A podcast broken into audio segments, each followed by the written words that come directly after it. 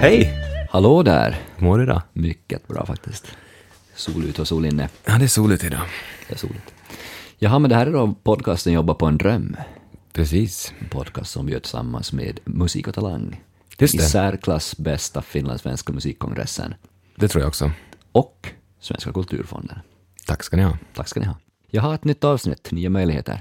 Ja, men Kan det blir kul. Vad kan vi berätta om dagens avsnitt? Idag ska vi träffa Anna Engberg som är musikproducent och ljudtekniker. Hon har många strängar på sin musikaliska lyra helt enkelt. Ja, Okej, men vi ser vad det här blir till. Jag tror det kommer bli väldigt, väldigt bra. ja men jag Kul tror att att det kan med. bli lite kul och lite nördigt och lite allt på en gång. Precis som det ska vara. Nu kör vi. Hej Anna! Hej, Hej. Välkommen till podden Jobba på en dröm. tack så mycket. Vad trevligt att vara här. Hur mår du då? Jag mår bra. Ja, Det, solen ja, skiner. solen skiner, det är jättefint väder ute. Du har druckit en eh, pumpkin spice latte. Ja, precis. Jag får ett infall varje år Mm. att jag blir sugen på pumpkin spice latte. Eh, och sen så dricker jag en pumpkin spice latte och inser att det är inte är så jävla gott. Nej, så nästa år igen enkelt. Precis. Vi ska prata om dig lite här idag. Och Ja. om din karriär och vad du är idag, vad du har varit innan och vart du är på väg. Ja, Men vi börjar väldigt snabbt med fem snabba frågor här tycker Det jag. tycker jag. Mm. Namn? Anna Engberg, Ålder, 27, bor i, Sickla. yrke, Musikproducent och ljudtekniker. favoritfrekvens, omfång. Oj, Oj, det var ni. Det var nya jättesvårt. spontant fram. Vi, be- vi vill få ett svar här nu. Men typ kanske 500 till 800? Mm. Du gillar 500 alltså? Alltså inte 500 specifikt, det är liksom gränsen. Okej. Men Så det kallad finns, low man mid kan göra alltså. kul grejer där. Eller så här. Bra svar. Alltså det är ju otroligt svåra frekvenser tycker jag. Jag tänker på lite typ när jag mastrar att så här, det är där jag kan göra störst skillnad Ja, ofta. För att det är ofta mig. där det är kaos. Ja. Men då tar du bort mera. Än Det men beror på vad det är för material. Men Mhm. generellt så är, brukar det vara lite, lite krockar och lite Ja. gosigt där. Så jag tror att Oskar hade fått en in, ett inverterat svar från Oskar. Vad är dina värsta frekvenser? Ja, precis. Så Alltså, har sagt länge i mitt 500 liv, 800. i många år i mitt liv så, så sloddes jag med 200 hertz. Jag tyckte det var den sämsta frekvensen i hela världen. Mm. Men nu har jag kommit på att 200 är ganska nice. Och då har jag också gjort samma resa med 500, att det är en frekvens som jag har slagit mig jättemycket. Men nu har jag också kommit fram till att den är ganska nice. Men det beror ju, som du säger, väldigt mycket på vad det är för typ av material. Ja men precis, det är liksom det man får måste ju bestämma vad man gör av det Ja, på något sätt. men 500 är ju som den här grejen här. Det här är, Ja, när det här är precis. K. Det är också så här, Det är ehm, där någonstans. Kommer fortfarande ihåg från SI-tiden att så här 500 var typ honky tonk-frekvenser. Ja, precis. Vadå för Ponky Tonk? Det är Hank inget, Williams. inget, inget fel på honky tonk. Jag gillar Honky Tonk. Jag kan klippa in något som är bara 500 hertz. Där kom den, otroligt mysigt. Ja. Men idag är det ju lördag. Ja, Vad har du gjort i veckan? i veckan. Eh, jag har eh, jobbat. Eh, det har varit en ganska innehållsrik vecka. Eh, både så har vi suttit med antagningar för Vem kan bli producent? Just Där jag jobbar som ledare. Eh, så vi har antagit eh, nya deltagare för i år, vilket var väldigt roligt. Dock alltid väldigt svårt att sitta med antagningarna, för man vill ju bara ta med alla liksom, som söker. Men så har vi bara 18 platser. Är det många som söker? Eh, en hel del. Okej. Eh, det har varit flera andra år. Eh, men det var generellt väldigt, väldigt hög liksom, nivå på folk Ah. i år. Eh, när det har varit jättemånga ansökningar så har det varit så här, ja nej, du vet nog inte vad det här innebär. Nej, Nej, just det. du, Mm. ja. Det är ju ett, ett eh, producentprogram för kvinnor och transpersoner, så det är Mm. separatistiskt. Eh, och vissa år så har det varit så här, tillhör du vår målgrupp, ja eller nej? Och så bara nej. Och då Mhm. vet man ganska så här, okej nej, du ska inte gå. Har du tänkt komma in på djupet längre fram, men Ja. varför inte bara bränna av det också? Det kan vi göra. Jag, alltså, vad är det här? Eh, Vem kan bli producent? Eh, Det är ett producentprogram som sagt för kvinnor och transpersoner. Mm. Som liksom, om man fokuserar mycket på ja, men producentskap och tekniken bakom det. Ja, Ehm, För att vi ser att det finns en viss ojämlikhet i vilka man stöter på i branschen. Mm. Så vi vill ja, men utbilda och göra tekniken tillgänglig för liksom, grupper som inte är eh, så representerade. Eh, så då har vi producentprogrammet som vi eh, lär ut då produktion. Vi jobbar med både in the box och också liksom utanför boxen och med hårdvara och ja, hälsa på i olika studios och prata med olika intressanta personer. Mhm. Håller på med så här, ellära och lödning och så här. Det är svinkul. Mm. Vem har tagit initiativ till det här? Eh, Det är Popkollo. Mm. Och det kommer ifrån, nu ska vi se här. Eh, det började med att eh, Robin fick KTHs stora teknikpris, har jag för mig att det hette. Och då så pratade hon med Popkollo och med Åsa Jonsén på Mm. Popkollo då. Och sen så, av de samtalen, så blev det producentprogrammet. Och nu är vi inne på det sjunde året, tror jag. Mitt fjärde år som ledare. Men det, hur länge, hur, alltså om man säger att man blir antagen då, hur länge håller den kursen, Eh, vad man ska kalla det på? Sju månader Okej. är det. Och då är det en kväll i veckan och sen så är det fyra helger. Där det liksom, man börjar på fredag kväll och sen så är det lördag, söndag. När man bara så här proddar galet. Äh, vilket är så roligt. Men jag är alltid helt stendöd Ja, efter en sån helg. För det är verkligen intensivt. Och alla är så himla peppade och taggade och bara törstiga på att lära sig Ja. saker. Så springer man runt som ett jehu och hjälper folk med Behöver man ha, för, alltså vilka förkunskaper behöver man, behöver man ha? Eh, ja, alltså tanken är liksom att det här är en fortsättningskurs. Så att eh, när du söker så ska du ha börjat liksom med produktion och suttit i en DAV och liksom, ja, ha en idé av så här, det här vill jag göra med mitt producentskap. Och sen så hjälper kursen liksom till att ja, men ta en vidare.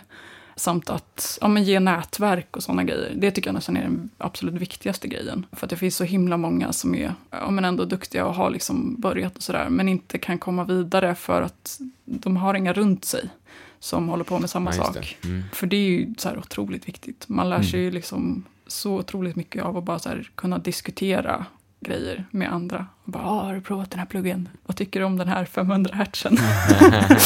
Eh, hur ska jag fixa den? Liksom. Och sen också, så här, det är, särskilt som, som icke-cisman i branschen så kan man känna sig väldigt ensam. Och eh, det hjälper jättemycket att bara här, veta att det finns andra Mm. som håller på. Ja. Och så här, se exempel på det. Vad så är den procentuella fördelningen? Har ni siffror på det? Alltså vad det är? I musikbranschen? Mm. Eller? Eller i din... Uh, när det var producent och- någonstans, det var, tror jag såg någon så här, på Billboardlistan så var det så här 5 kvinnor då. Eh, men det var bland låtskrivarna. Sen bland producenterna så är det Ännu mindre ännu mindre. Jag var med och gjorde musikbransch, alltså Musiksveriges kompetensrapport. Då tror jag det var 27 procent av de svarande. Och då var det ju som jobbar på musikbolag också. Så det är ändå eh, inte bara de som jobbar de facto med musiken. Som Precis, var, alltså. eh, Nej, det är 27 minst procent eh, som identifierar sig som kvinnor. Så det är ju väldigt dåligt. Men Ja, men det är ju ännu det. mycket, mycket lägre om vi börjar prata producenter. Exakt. Ja, precis. verkligen. Det är liksom när man kommer in i det här liksom tekniska. Mm. Det är ju inte så här, eller så här, nu, nu för tiden så umgås eller så här, jobbar jag väldigt mycket med kvinnor och transpersoner. Så att jag har det väldigt så här, lyxigt på Mm. den, den fronten. Men innan jag kom in i Vem kan bli producentvärlden, då var det ju ofta att jag var ensam tjej. Mm. Liksom. Mm. Möjligt att det fanns ja, men, någon annan tjej som alltså, låtskrivare i sessions och så vidare.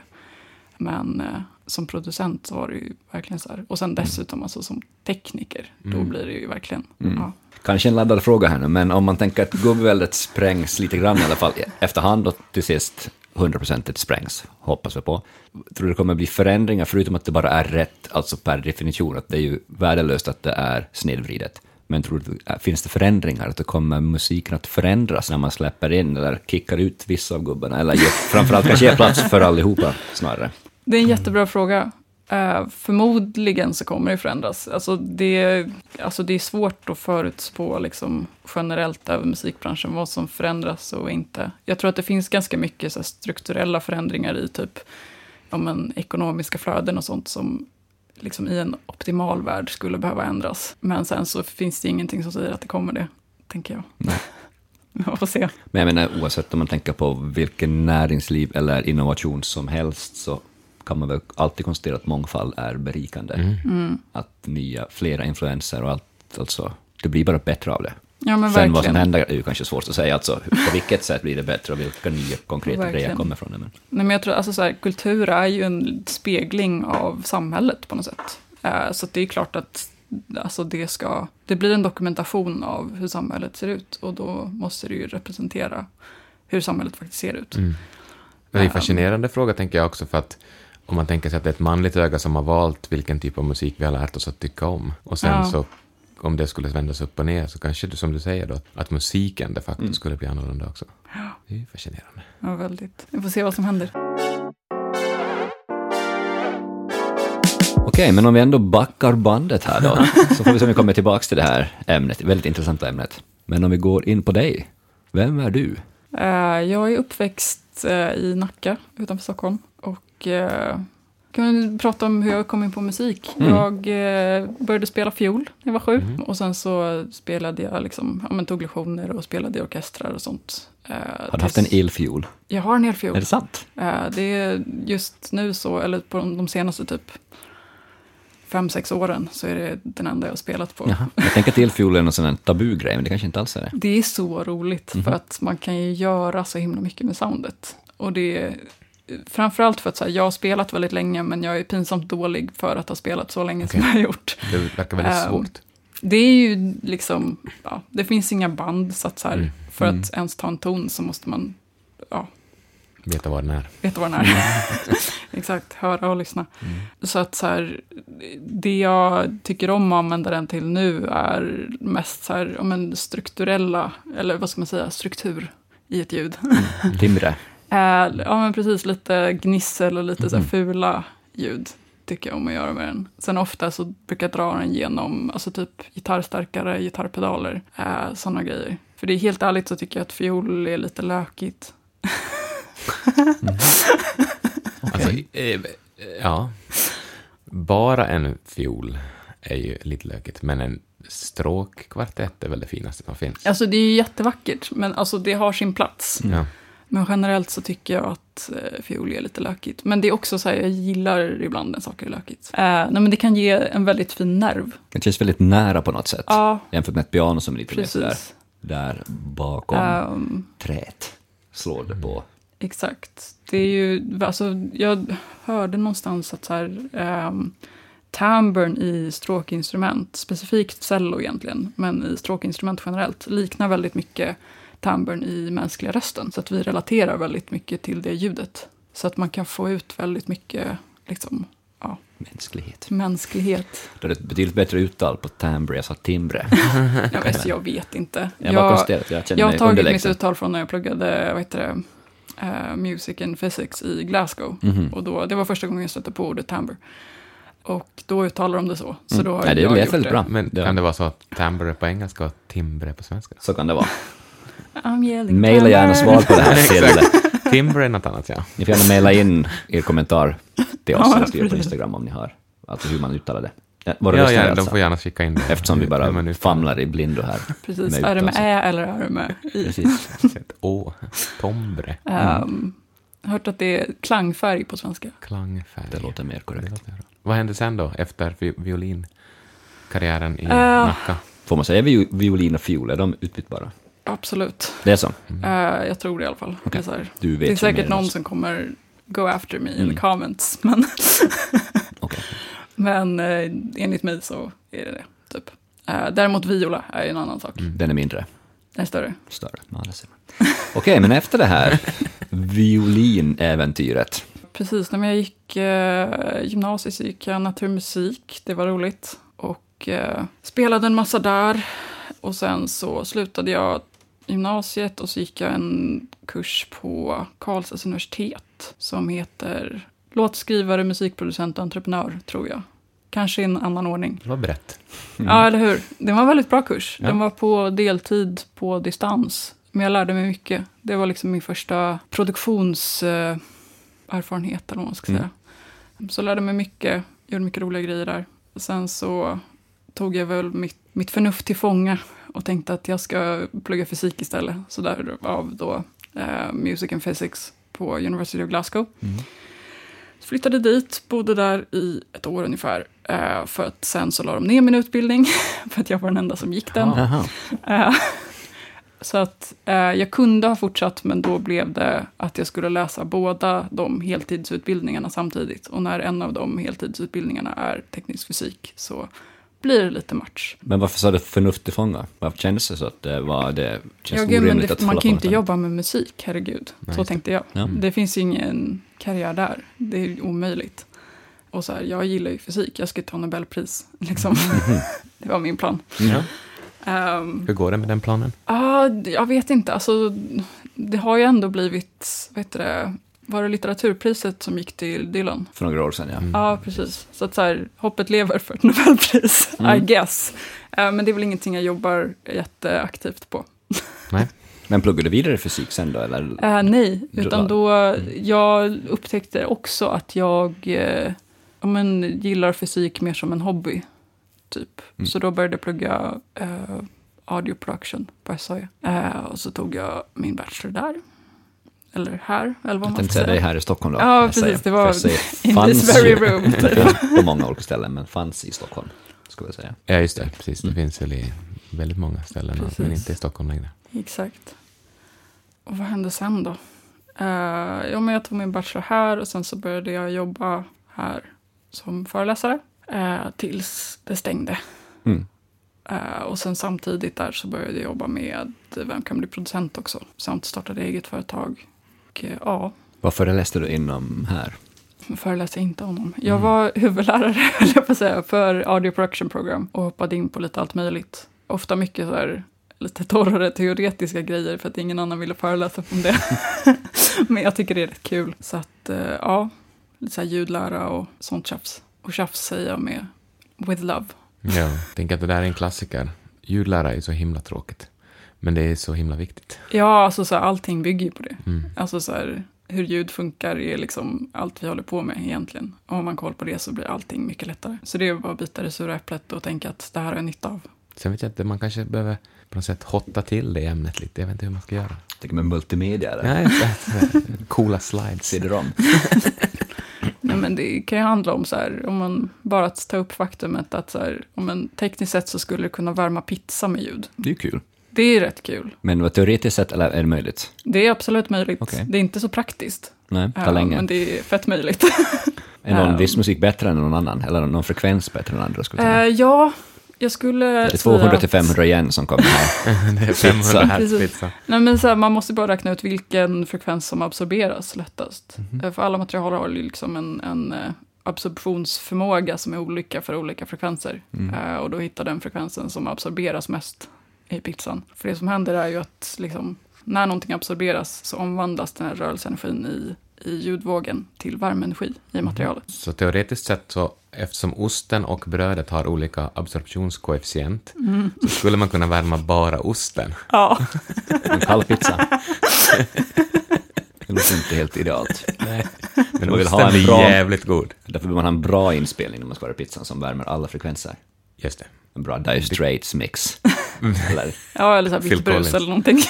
ja, brus i och för sig, det funkar ju. Men det Brus kanske är allt. godare pizza om man spelar Phil Collins. Det tror jag. Det, det låter bra. Ja. Mm. Går omkring med sånt headset. Jag älskar ju Phil Collins. Alltså, Headsetet, ja. Mm. Live, när han sitter och trummar med vit, lite kontorsskjorta, alltså Mm. Han ser ut som att han är- kommer från The Office-serien. Exakt. Med sånt headset. Och så kör han In the air tonight. Det är otroligt. Jaha, men spännande. Men då kom ju in och du, du började jobba med musik. Alltså kände du att du hopp, hoppsan, nu jobbar jag med musik? Eller kom det sådär? Ja, alltså det, jag tror att min tanke var att börja jobba med musik när jag började plugga på SAE. För att då hade jag liksom kommit fram till att nej, men fysik är bara en hobby. Må- Man måste jobba med någonting enligt liksom normerna idag i Ja. alla fall. Kul med tak över huvudet, jag gillar det. Eh, Jag jobbade ett tag på ett café och det sög. Så jag ville sluta göra det. Så då, Jag tycker det är intressant ändå för alltså någon annan skulle tycka att ja, man behöver tak över huvudet. Äh, då jobbar jag med fysik istället. Exakt. ja, sådär. det, sen så så här, efter att ha pluggat fysik på universitet och varit i liksom, ja, men bland människor som jobbar med fysik, så inser man att det finns inga pengar i fysik heller. Jaha, okej. Det är liksom, de lever på bidrag, eh, alltså från, alltså, ja, eh, vad heter det? Sponsorer höll jag på att säga. Stiftelser och... Eh, Ja, men precis. Och ska söka liksom, eh, finansiering för alla sina projekt som de brinner för. Och eh, så är, finns det ingen som vill finansiera det och så äter de liksom nudlar ändå. Sen kan man ju såklart jobba med fysik på andra sätt. Mm, Men då blir det mer att man jobbar som ingenjör eller någonting. Om man har fysik som en hobby, hur tar den sig uttryck som hobby? Eh, ja du. Uh, men jag älskar att titta på, jag brukar falla ner i såna YouTube-spiraler. och kolla på massa roliga principer och eh, grejer. Det är sjukt intressant. Alltså. Men, Men det är det- inte som att du har en så här experimentverkstad hemma. Och... Nej, nej, det har jag inte. Det tar för mycket tid, tror jag. Ja. har inte plats i lägenheten för det. Jag tänker på typ så här, man ska kanske, vad heter den här, Marble Machine? Det är väl lite fysik och ja, musik? men absolut. Det är lite, um, ja, kanske inte jättemycket fysik, men det är ju lite ingenjörskap eller vad man säger. Mm. Engineering. Vi släpper fysiken och går vidare till, vad gör du annars då? Vi pratar om mix, vi pratar om mastering. Vad, vad är de områden du jobbar i? Har, ja, alltså jag Utöver allt annat såklart då.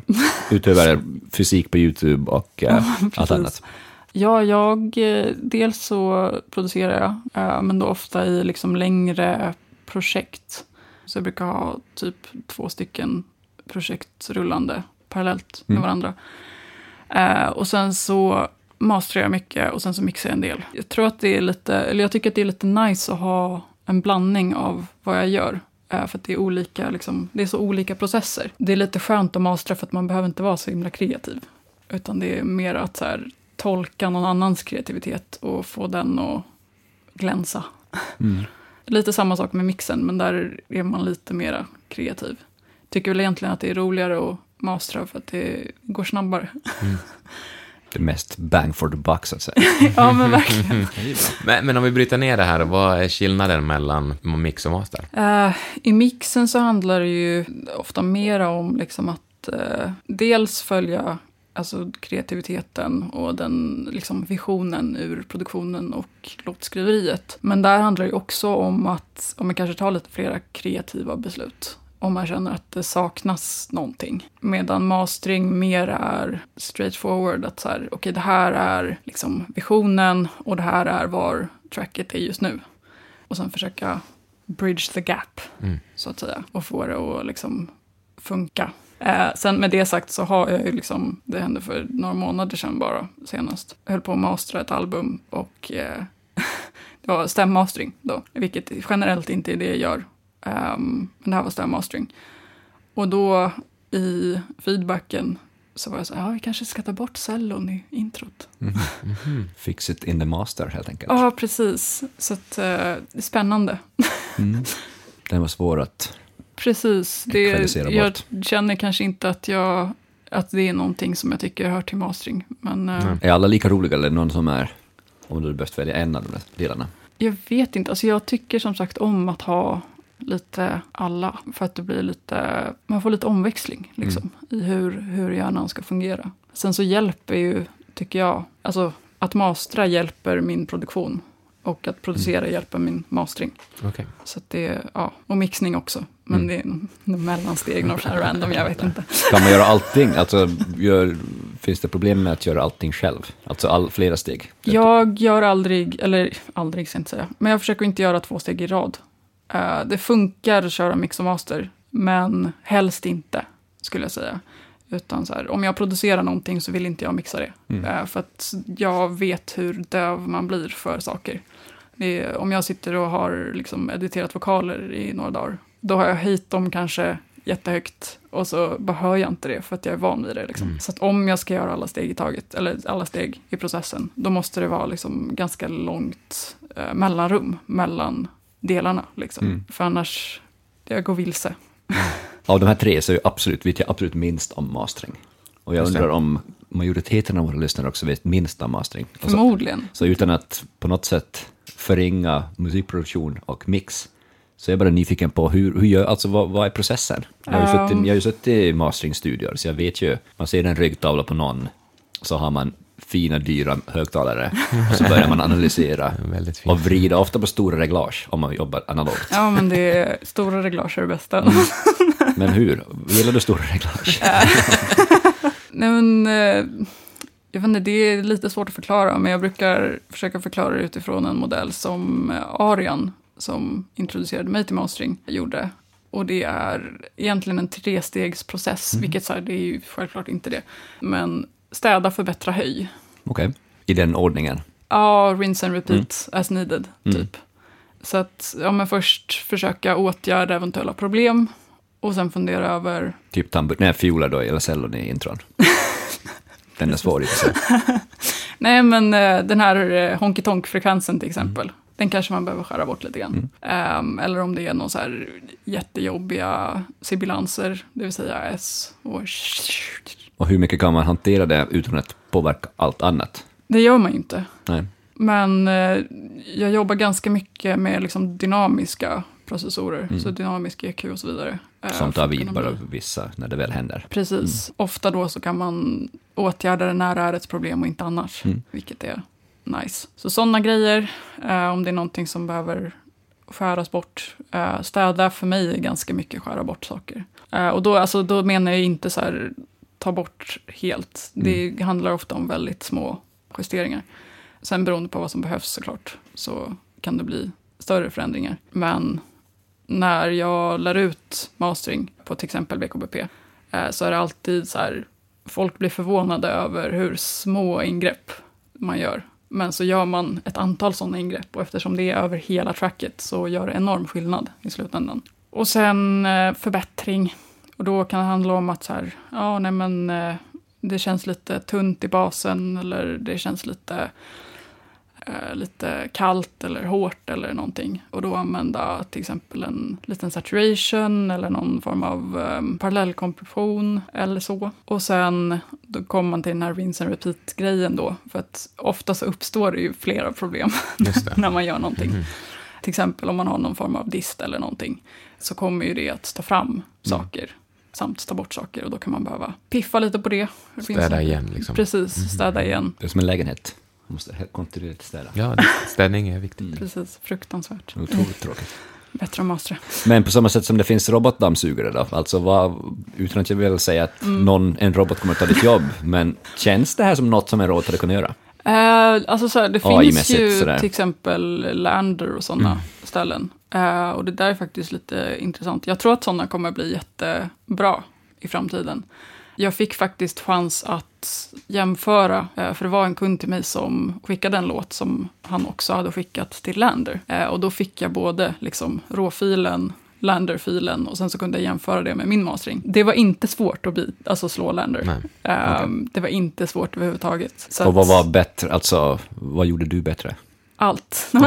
Behålla känslan Okej. i, i spåret. För att det är någonting som sådana liksom, verktyg inte kan göra. Och Lander är alltså en, en eh, vad ska man säga, en automatisk maskin. eh, De Mastering. säger, det är lite så här shaky med såna här grejer. De går ut och säger att det är en AI som lyssnar på musiken och mastern. Fast jag tycker att AI har blivit så här selling point. Där vad de säger det, men att egentligen så är det bara en limiter som de slänger på. Det är en gubbe som Ja. Nej, det tror jag inte att det är någon skäggig farbror som sitter och rycker i reglerna. Men När man säger AI så låter ju det jättekomplicerat. Men en AI, alltså det kan ju vara en termostat. ja. En termostat är en AI. Mm. Eh, och så här, jag skulle inte låta en termostat mastra mina låtar. Liksom. Men det är väl skillnad på, nu är jag helt ute och sticklar här säkert, men AI och ma- maskininlärning, det är ju två separata grejer. Ja, det liknar väl mer machine learning då. Precis, att Mm. det, tanken är att jag ska kunna mastra extremt många, analysera jättemånga olika bra. Vi tar Phil Collins då igen, man analyserar hur Phil Collins, om man tycker att det är någon typ av ideal. Och så har vi en musik som kanske låter, ja, vill, det är det man vill åt sådär. Och grundmaterialet gre- alltså är, har Phil Collins-vibbar i alla fall Ja. sådär. Och då, istället för att du mastrar kanske säga, 50 låtar i året, nu bara slänger jag, eller 100 låtar, whatever, men den här maskinlärningen då, den kanske mastrar en miljon eller en miljard låtar varje dag. Till sist kanske ni får till Phil Collins och bättre med. Nej, ingen aning. Jag tänker att det är skillnaden mellan AI och maskinlärning då. Ja, Men det, det, som du, jag, jag tror ju att mastering kommer att vara den grejen som det första som händer. För det är ju verkligen på ett sätt, i mitt huvud i alla fall, en ganska mekanisk process. Alltså det har ju väldigt lite med skap, alltså så här kreativitet att göra. Eller minst i alla fall. Det är ju Ja, alltså så här, det är ju det minst kreativa steget skulle jag säga. Eh, men sen så är det ju också liksom, eller det jag, det jag tänker att jag tillför i en masteringsprocess, är ju det här att ja, men, lyssna på spåret och också fundera över vad som är meningen med det. Mm. Är det liksom tanken att det här ska vara ja, men, jättekomprimerat eller ska det vara liksom, ja, eh, var ska det smälla någonstans? Hur mycket Mm. ska det smälla? Hur mycket dynamik ska det vara mellan delarna? Eh, och liksom, hur får man till det? Och ska det vara liksom, mm, ja, men stort och brett eller ska det vara litet och intimt? Eller så här, ja. Och det är den, den aspekten tror jag kommer ta ett tag till för maskin, maskinmastringen att få till. Liksom. Så det är ett framtidsyrke, alltså masteringstekniker. Ja, så någorlunda. Ja. Jag vet inte, det är också så här, nu blir det lite filosofiskt, men så här, kör. ehm, behövs det mer musik överhuvudtaget? Nej, för fan. Verkligen. Vi har ju redan en massa musik, varför ska vi ha mera? Det är också det här med att ja, men, kultur är en spegling av det samhälle vi lever i. Och så här, samhället utvecklas, så då måste musiken också utvecklas. Mm, Så då kanske det behövs ny musik. Och då blir det ju, behövs det ny musik om det är maskiner som gör musiken. Om det ger njutning då, eller avslappning eller... Ja, absolut. Så kan det väl vara nice. Alltså det, det kanske får till en känsla som ingen människa har fått till. Alltså bara, vad är det här? Där får man hitta en ny dimension på något sätt. Sådär. Alltså det här är ju Vivaldi och Beatles i en perfekt hybrid som vi aldrig har hört förr. Wow, det är kanske är en grej. Jag, jag brukar ofta tänka att masteringstekniker... Mm, så här. Utan att dissa alla masteringstekniker där ute, så tycker jag oftast att masteringstekniker, eh, att det ibland känns väldigt dyrt och onödigt. Det händer inte så mycket. Och, med det sagt, så det som jag använder masteringstekniken till är att få en, korrläsning. Alltså att man så här, ah vad skönt, nu har jag skickat det till mastering, nu kan jag släppa den här grejen. Det är en person till som lyssnar på det innan det, Fräscha ska, innan, ja, innan det ska gå ut. Så att inte jag har allt ansvar på mitt huvud. Haft bajs i öronen Ja, hela processen. Ja. Och så hoppas att det är... Och det är det värt. Alltså då tycker jag att det är värt det. Ja, men verkligen också så här att någon lyssnar på det i ett annat rum Mm, också. verkligen.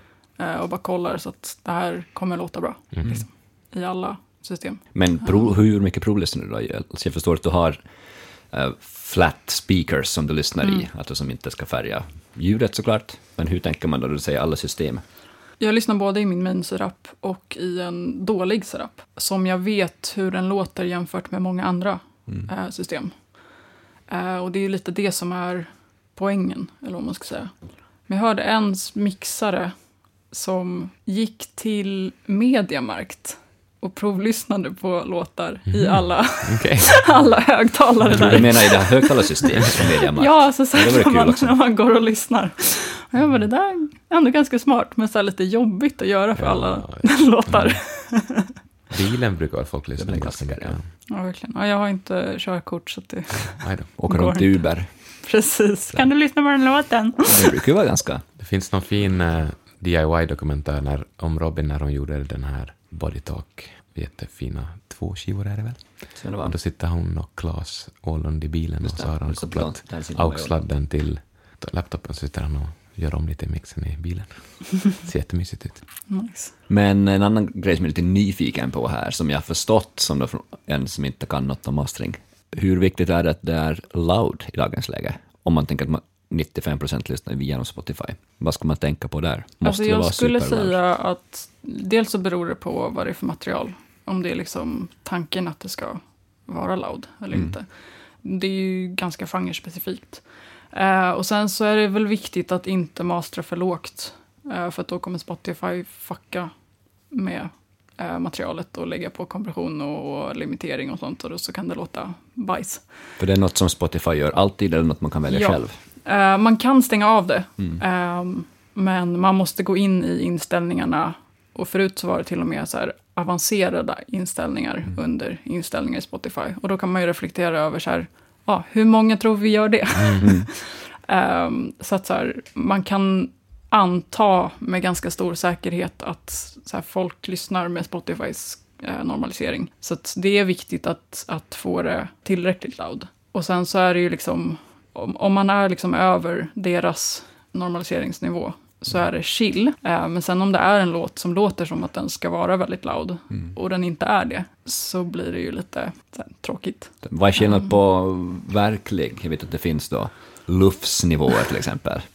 Alltså som en... Tekniska här. Ja, nej, men en Ja. teoretisk siffra då som anger hur loud någonting är. Mm. Hur mycket påverkar det och vad påverkar sådär? Ja, men upplevd loudness, det måste vara två olika saker. Tänker att ibland kanske något, siffran kanske visar ett lågt. Att det inte är så loud, men det känns loudare. Beror det beror på 200-500 frekvensen igen, frekvensen som gör att det låter, känns mer eller sådär. Ja, alltså så här, eh, enheten loudness eh, är ju tänkt att vara liksom en, en eh, representation av hur vi faktiskt uppfattar musik Okej. eh, och ljud. Sen så tycker jag att det ändå finns vissa grejer man kan göra för att få någonting att låta louder fast det inte är högre lufs. Det, det finns liksom om en frekvensomfång och framförallt ljud som vi lyssnar på mer attentivt. Så till exempel om den mänskliga rösten sticker ut för oss. Dels för att vi är känsligare för de frekvenserna, men också för att vi liksom rent psykologiskt Mm. är, vi är utvecklade för att lyssna på dem mera. Kanske en sån där självbevarelse, alltså Ja, men precis. Alltså, så här, om man lyssnar när folk pratar så tycker folk om en och då får man mat över vintern. Typ. Mm. Kul att Kanske. vi hamnar ner i ljudteknik, eller ju- vad heter det, ljudteori här. det Mm, finns ju en sån här, det, det heter Fletcher-Manson-kurvan, eh, som handlar om vilka frekvenser örat uppfattar mest. Till exempel 3000 hertz eller där kring är väldigt eh, känsligt för örat, för att där är talet, alltså rösten, mest bärande, typ, över, för långt Mellan avstånd. två och fyra. Ja, precis. Så att om man har mycket av de frekvenserna, så då känns det väldigt loud, tänker jag. Sen är jag inte masteringstekniker på det sättet, så jag har inte superkoll om det är det man ska göra för att få det att kännas jätteloud. Men Nej, men det stämmer. Eh, men sen också att det, att, det, alltså att det faktiskt är en mänsklig röst till exempel, Mm. versus bara ett ljud som är där, gör också skillnad. Eh, för att det är liksom, om psykologiskt, psykoakustiskt, så är vi, det spelar roll vad det är för ljud helt enkelt. Mm. Och det är samma sak, alltså så här, jag hör stråkar bättre än vad jag hör andra saker. Eller jag lägger märke till dem. Mer den mänskliga rösten också. Ja, men precis. Mm. Och typ en, en eh, trummis kommer lyssna efter trummorna, Mm. omedvetet. det, alltså jag tycker det här är väldigt intressant. Det vet inte om någon annan i hela världen tycker det här är intressant. Jag tycker också det är jätteintressant.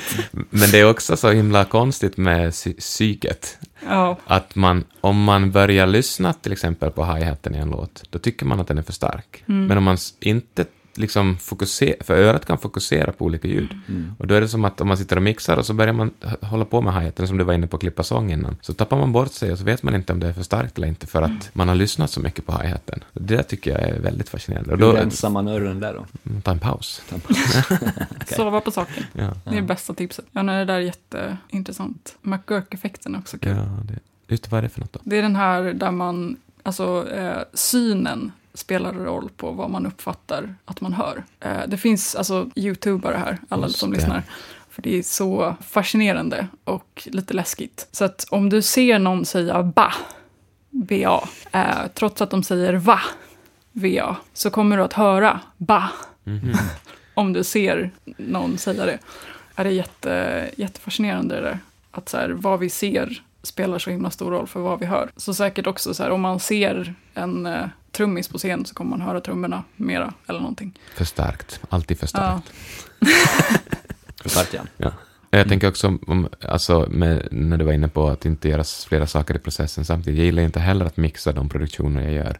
Men om jag måste göra det så lurar jag ju mitt huvud genom att bouncea ut alla filer från Mm. produktionssessionet och göra ett helt nytt session som jag döper till mix. Och så är det nya filer. För då ställer min hjärna om sig. Och då, tänk, då ser jag inte ljuden på samma sätt som jag såg dem innan. Ja, verkligen. Det, det är jag också alltid. Mm. Om jag ska mixa någonting som jag har producerat. Också för att så här, markera att nu är produktionen klar. Just det, mm. Mm. Nu är det liksom, psykologiskt. ja precis. Du får inte byta kick. Nej, stopp. Det är för sent. Borde ha såna Ehm, här fysiska mix. Exakt. Hatten. Mixa. Ja. Och så lägger man masteringshatten på sig. Nej, nu finns det ingen väg tillbaks. Precis. Det är ju lättare också om man ska mastra någonting. För då är det ju, man har en stereofil och så är det mastering Mm. som gäller. Det är klart. Hur, hur länge tar det ungefär att mastra en låt? Det beror lite på. Eh, men ganska snabbt. Också för att jag, när jag mastrar så vill jag ta snabba beslut. Mastra reaktivt. Mhm. Eh, reagera på saker snarare än överanalysera det. Så det kan väl ta en, det beror lite på vad, hur mycket problem det är. Okej. Men kanske en, mellan 20 minuter och en timme Per låt. per låt. Det beror Så- också på hur långa låtarna är såklart. Mm. Så man kan göra en hel skiva på en dag om man orkar? Ja, alltså man orkar inte det. Nej, okej. När, om det är en hel skiva så kan jag kanske påbörja, eller ja, göra klart många låtar. Men sen efter ett tag så blir jag galen. För då är liksom inte öronen fräscha. Mm. Särskilt om det är en skiva som är mixad av samma person. Så brukar det vara typ samma problem. Då kan det sluta med att jag blir döv för de problemen. Eller att jag överkompenserar. När jag masterar skivor så brukar jag vilja ta det över flera dagar. Även om det liksom finns tid för det. Men också bra att liksom byta spår på hjärnan. Just det. Om du skulle göra något helt annat musikaliskt, vad skulle du vilja göra i så fall? Nu har du ditt. Är det något du är nyfiken på? Jag har faktiskt ehm, redan börjat på det.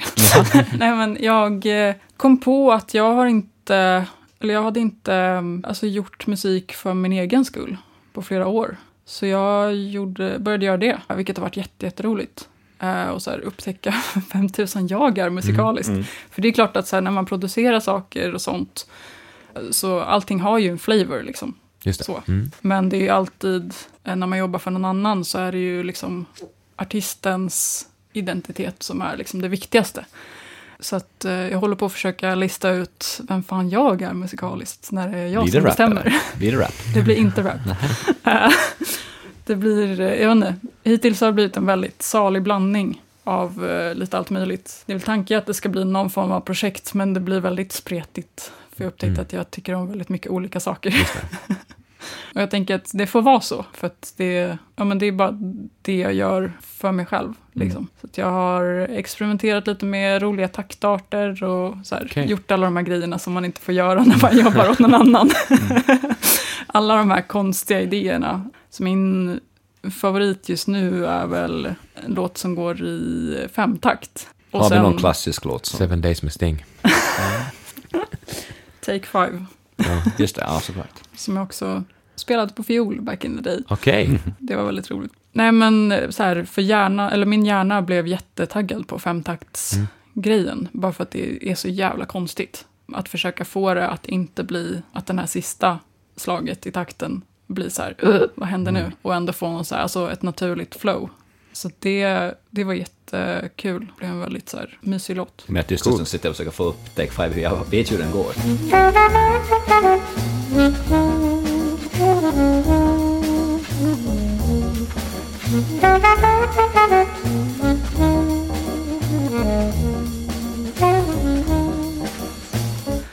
Sen snodde ju den finska mobiloperatören som hette, kanske fortfarande heter, Elisa, eller Elisa. Elisa. De hade ju snott Ja, de den på något den. sätt, men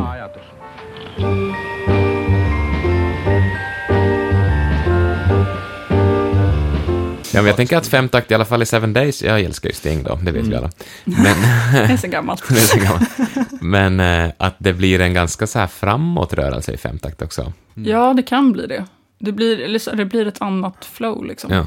Men antingen att man tänker att det stannar upp för att det är två slag eller Mm. att det kastas framåt Ja. för att man saknar ett slag Precis. i liksom en sex, sextakt. Så det, ja, nej, det, det var jättekul. Ja. Coolt. När ska det här, ska det bli någon lansering av det här också? Eller har det kommit Alltså jag har tänkt det. Sen så säger jag är inte så jävla intresserad av att vara artist egentligen. Nej? Utan jag är väl mer så här, om jag kanske släpper det någon gång och så finns det där Mm. Väl- för den som vill lyssna. Ja. Men jag har inga turnéplaner. Nej, okej.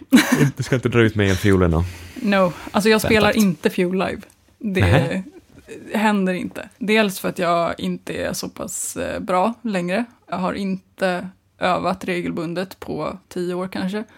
Och eh, sen också med specifikt elfiolen så är det så himla kritiskt med medhörning för mig. Min elfiol är den har liksom en resonanslåda. Så att om jag får medhörning liksom utifrån så blir det rundgång. Jaha, oj. Mhm. det låter Ehm, inte så praktiskt. Nej, det är lite, lite svårt. Så. Och som sagt, för att jag är så pass, eh, eller jag, jag är inte så pass bra att jag eh, kan spela utan ganska stark medhörning. Mm. För att hela liksom, intoneringen ligger i Mm, att jag hör det. så att eh, nej, jag spelar inte live. Jag spelar i studio. Det Mm. funkar. Då kan man också ta omtagningar, vilket är är fantastiskt. Är. Spelar också bara midi-piano. Av den orsaken. Ja. Det blir praktiskt. ehm, Det är ju intressant det där hur man vänjer sig vid att göra, spela fel. Eller att man accepterar att Ja, spela det. fel. Man spelar aldrig hela låten. Precis. nej. Jag pratade med min mamma om det där faktiskt. För att jag, jag kom på att så här, jag kan inte en enda låt som jag har gjort. Jag vet inte hur de går, vilka ackord det är. Nej, det är Dels svårt. kanske för att man gör många låtar, men också för att man aldrig spelar hela låten. Om man tänker i delar Ja, man tänker bara delar. Sen ofta också, tycker jag, särskilt när det är så här gitarrdelar, så brukar jag alltså prodda dem på ett sätt där jag inte tar hela ackordet samtidigt. Jaha. Mhm. Att det är så här, om en gitarr, olika liksom, spår tar olika toner. Är det för att du inte kan spela gitarr eller för att det låter coolare? Eh, jag tror att det handlar mer om processen, att det Alltså ackordet skapas genom flera tagningar. Och att så här, alla liksom, toner ligger också inte i samma instrument. Så att det kanske är vissa toner som ligger i några körstämmor. Och det är vissa toner som ligger i en gitarr och andra i en bas. Det. Och så här. så att så här, vad det är för ackord brukar inte finnas liksom samlat på en plats. Utan det är så här, okej, de här tonerna finns och så är det typ 14 toner på Mhm. olika ställen. Jag tänker en gitarr, Ja. alltså det finns väl ändå en, alltså de samverkar ju och Mm. resonerar med varandra på något sätt. Får man till den grejen? Alltså man får kanske till någonting annat? Om Ja, man så gör här, det viss, vissa grejer är klart att det är ackord. Och då är det ju liksom ackord. Det beror ju också mycket på fanger. Om det är så här man ska ha någon liten strum eh, gitarrgrej så är det ju självklart ackord. Liksom. Mm. Men ofta så blir det att det är lite mer flytande. På något vis. Det Och känns mer kliniskt på något sätt. Ja, men kanske. Matematiskt. Också så här att, att eh, om en kanske grundackordet är någon form av treklang Mm. och sen så ligger färgningarna, det dyra i ackordet, Mm. ligger på något annat instrument eller ett annat spår eller med en annan effekt eller liknande. Vilken är den dyraste färgningen? Maj 7. Nej, det måste finnas dyrare än så. Ah, den dyraste, jag vet inte, det beror på vad det är. Vi säger 13. Um, vad sa du? 13 är 11. Precis. Mm, Dim är ju kul också. Just det. Men det är också beror på situation. Alla låtar ska inte ha dimackord. Om vi spånar vidare från din uh, solokarriär här då med icke Fuel Live, men vad det sen blir. Femtakt i alla fall. Mm. Har du andra drömmar och tankar framåt? Tänker du i drömmar, eller tänker du i mål, eller, eller tar du bara ett projekt i taget och ser vad som händer?